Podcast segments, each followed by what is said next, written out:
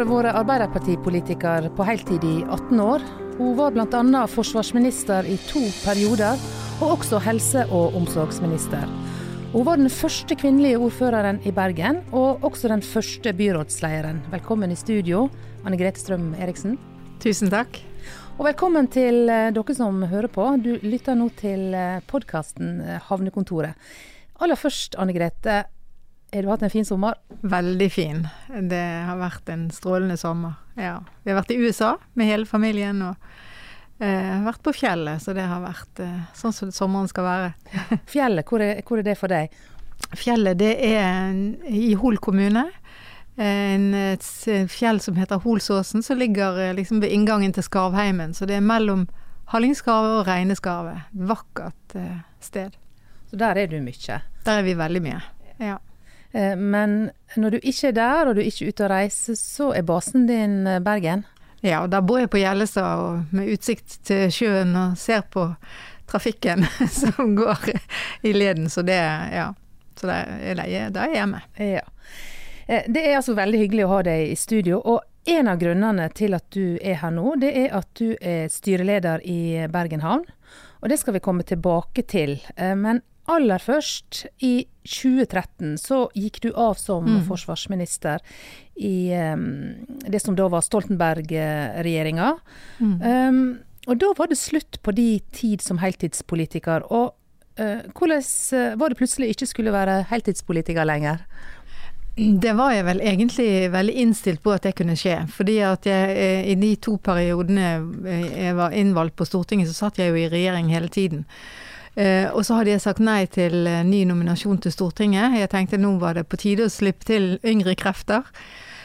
og, så jeg var veldig innstilt på at det kunne skje, men det er klart at uansett hvor innstilt du er, så er det sånn at det er full full uh, fres den ene dagen, og så er det helt stille dagen etter. Så det er jo en stor overgang for alle som går av i politikken. Så tror jeg kanskje det at jeg hadde Kanskje det hadde det litt lettere fordi at jeg hadde opplevd eh, det før. Jeg hadde opplevd å tape et valg i Bergen og, når jeg var byrådsleder og ja. Men så åpner det seg alltid noen nye muligheter. Ja. Nå er det gått seks år siden du gikk av som minister.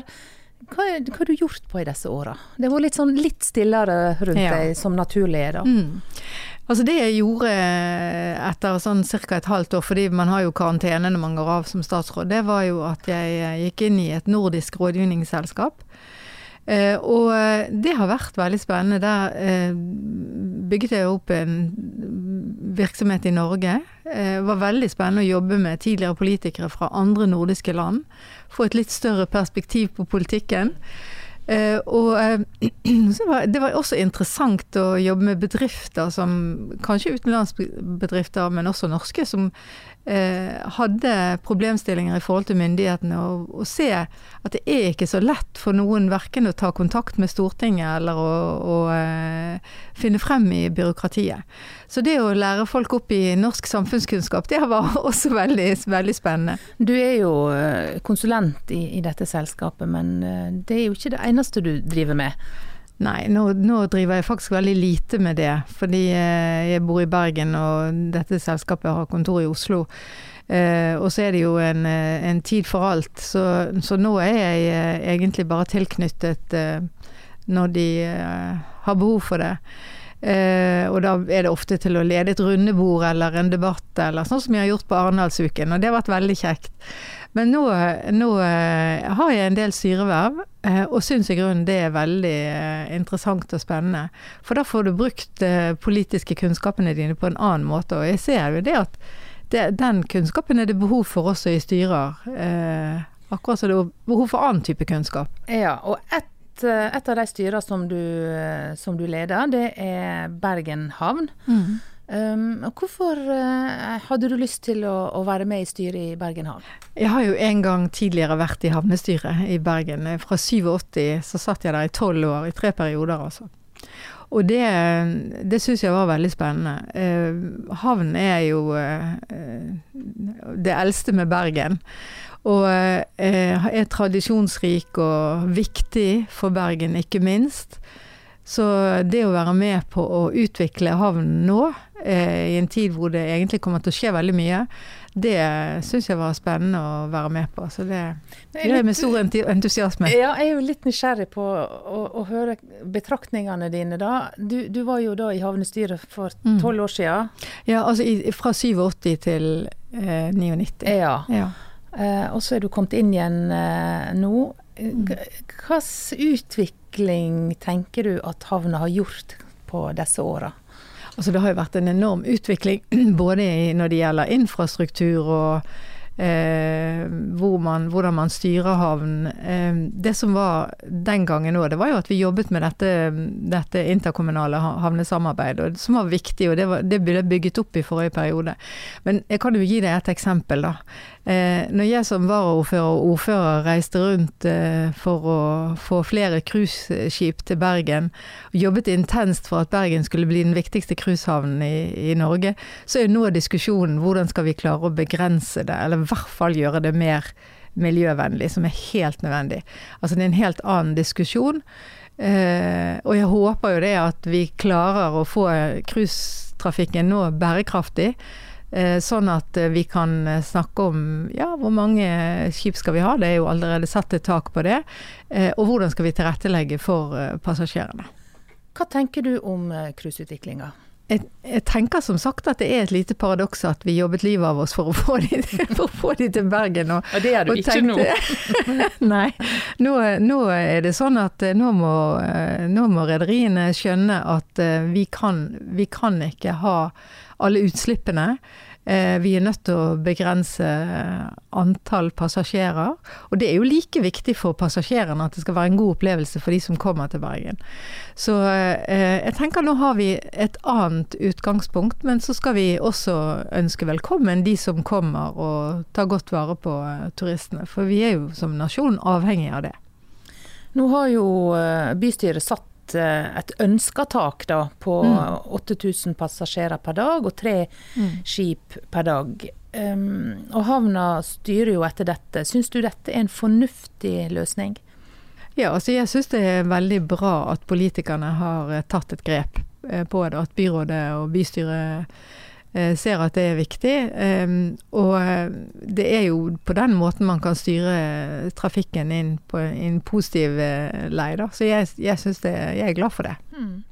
Miljøpartiet De Grønne de ønsker jo helst cruiseturismen helt vekk. Mm. Hva synes du om, om den tilnærminga?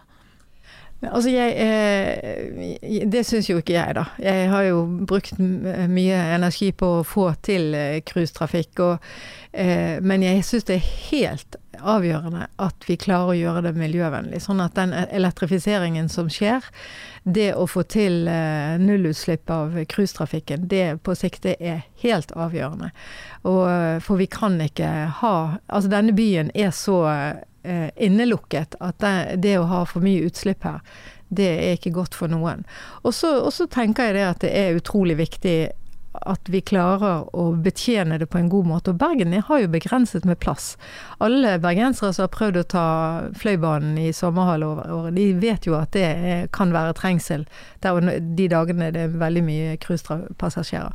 Så vi må bare finne en eh, god måte å gjøre dette på. Det dreier seg om logistikk, og det er jeg helt sikker på at vi sammen med næringen skal kunne utvikle videre. Det er jo mange som, eh, som, klager på at det er så veldig mange turister samtidig på Bryggen, mm. spesielt da, mm. eh, i, i sommerhalvåret. Er du noen gang og, og, går på Bryggen på den tida sjøl, og hva tenker mm. du eventuelt i, i, forhold til det? Mm. Jo, altså det er, det er mange passasjerer, og det er mange folk. Eh, jeg tenker det at vi, vi, har så mange attraksjoner i Bergen. Vi må prøve alt vi kan på å få en, eh, en, en litt bedre balanse. Så ser jeg jo det også at det virker så, som eh, handelsstandens virksomhet i Bergen har øket. Det er jo veldig positivt, og man må jo tro at noe eh, også kan relateres til økt eh, turisme. Så det er å finne denne gode balansen og ha god, god dialog både med politikerne og med næring, næringslivet generelt, og ikke minst med cruisenæringen for å få en, en god og bærekraftig cruiseturisme i Bergen. En av visjonene til Bergen havn det er å være en havn for alle. Mm. Hva legger du i det begrepet? Altså Det er et uh, interessant begrep, for det, gjelder ikke bare de som kommer her, eller bare de som er avhengige av Bergen havn for, for transportvirksomhet. Men det gjelder jo òg for innbyggerne.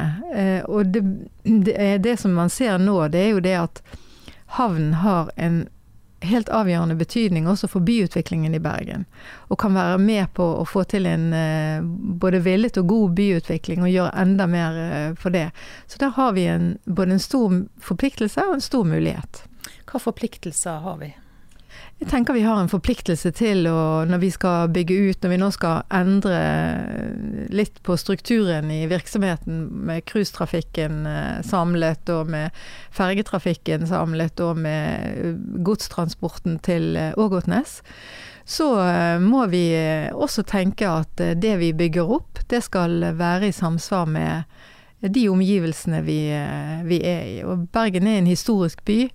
Eh, vi er en verdensarvby, eh, og det, det, er viktig at vi har denne balansen og denne ærbødigheten for fortiden inne hele tiden. Nå er det jo sånn at det er beslutta at eh, godshavna skal flyttes mm. ut til Ågotnes, og dokken skal frigjøres til byutvikling. Men det er også da ønske om å flytte Havforskningsinstituttet og akvariet mm. til dokken, da. Um, er det mulig å drive ei havn i Bergen by i framtida? Ja, det tror jeg. Men nå, eh, med det grepet som du nevner, er jo betyr det jo at en stor del av, eh, av den havnevirksomheten som har tatt mye plass, eh, godstransporten. For selv om ikke Bergen er den største på godstransport, så er det jo, er det jo store arealer den har beslaglagt på, på dokken. At det vil bli flyttet ut til Ågotnes. Eh, og at vi kan få til en ny bydel i eh, en, en av eh, indrefiletene i, i, sentrum. Så det, det Ja, dette tror jeg absolutt er en god utvikling. Nå har jo du trådt tilbake som heltidspolitiker, og mm, du kunne jo i utgangspunktet vært heltidspensjonist og bare gjort akkurat det du mm. hadde lyst til hver dag, og, og kost deg og reist osv. Men det gjør du ikke. Du har fremdeles et brennende engasjement for, for Bergen og for uh, samfunns, uh, samfunnsutvikling. Ja, det har jeg, og det, det, det, håper jeg nå at jeg skal beholde så, så, lenge jeg lever. Men det er klart at jeg, jeg har jo nådd pensjonsalder, jeg òg. Men men jeg syns det er meningsfylt så lenge du kan, å bruke den erfaringen du har. Og det er jo sånn at eh, når du har levd en stund og har gjort mange ting, så skaffer det jo deg mye kunnskap og mye erfaring. Og det er veldig bra å kunne bruke til beste for fellesskapet. Og det, det er der jeg syns at eh, Bergen havn er en liten indrefilet i Bergen. Veldig viktig. Eh, og et fint sted å egentlig få brukt de erfaringene. Og med det så avslutter vi denne episoden av eh, Havnekontoret. Takk til deg, eh, Anne Grete, fordi du eh, kom, tok deg tid til å komme i studio. Og takk til deg som lytter.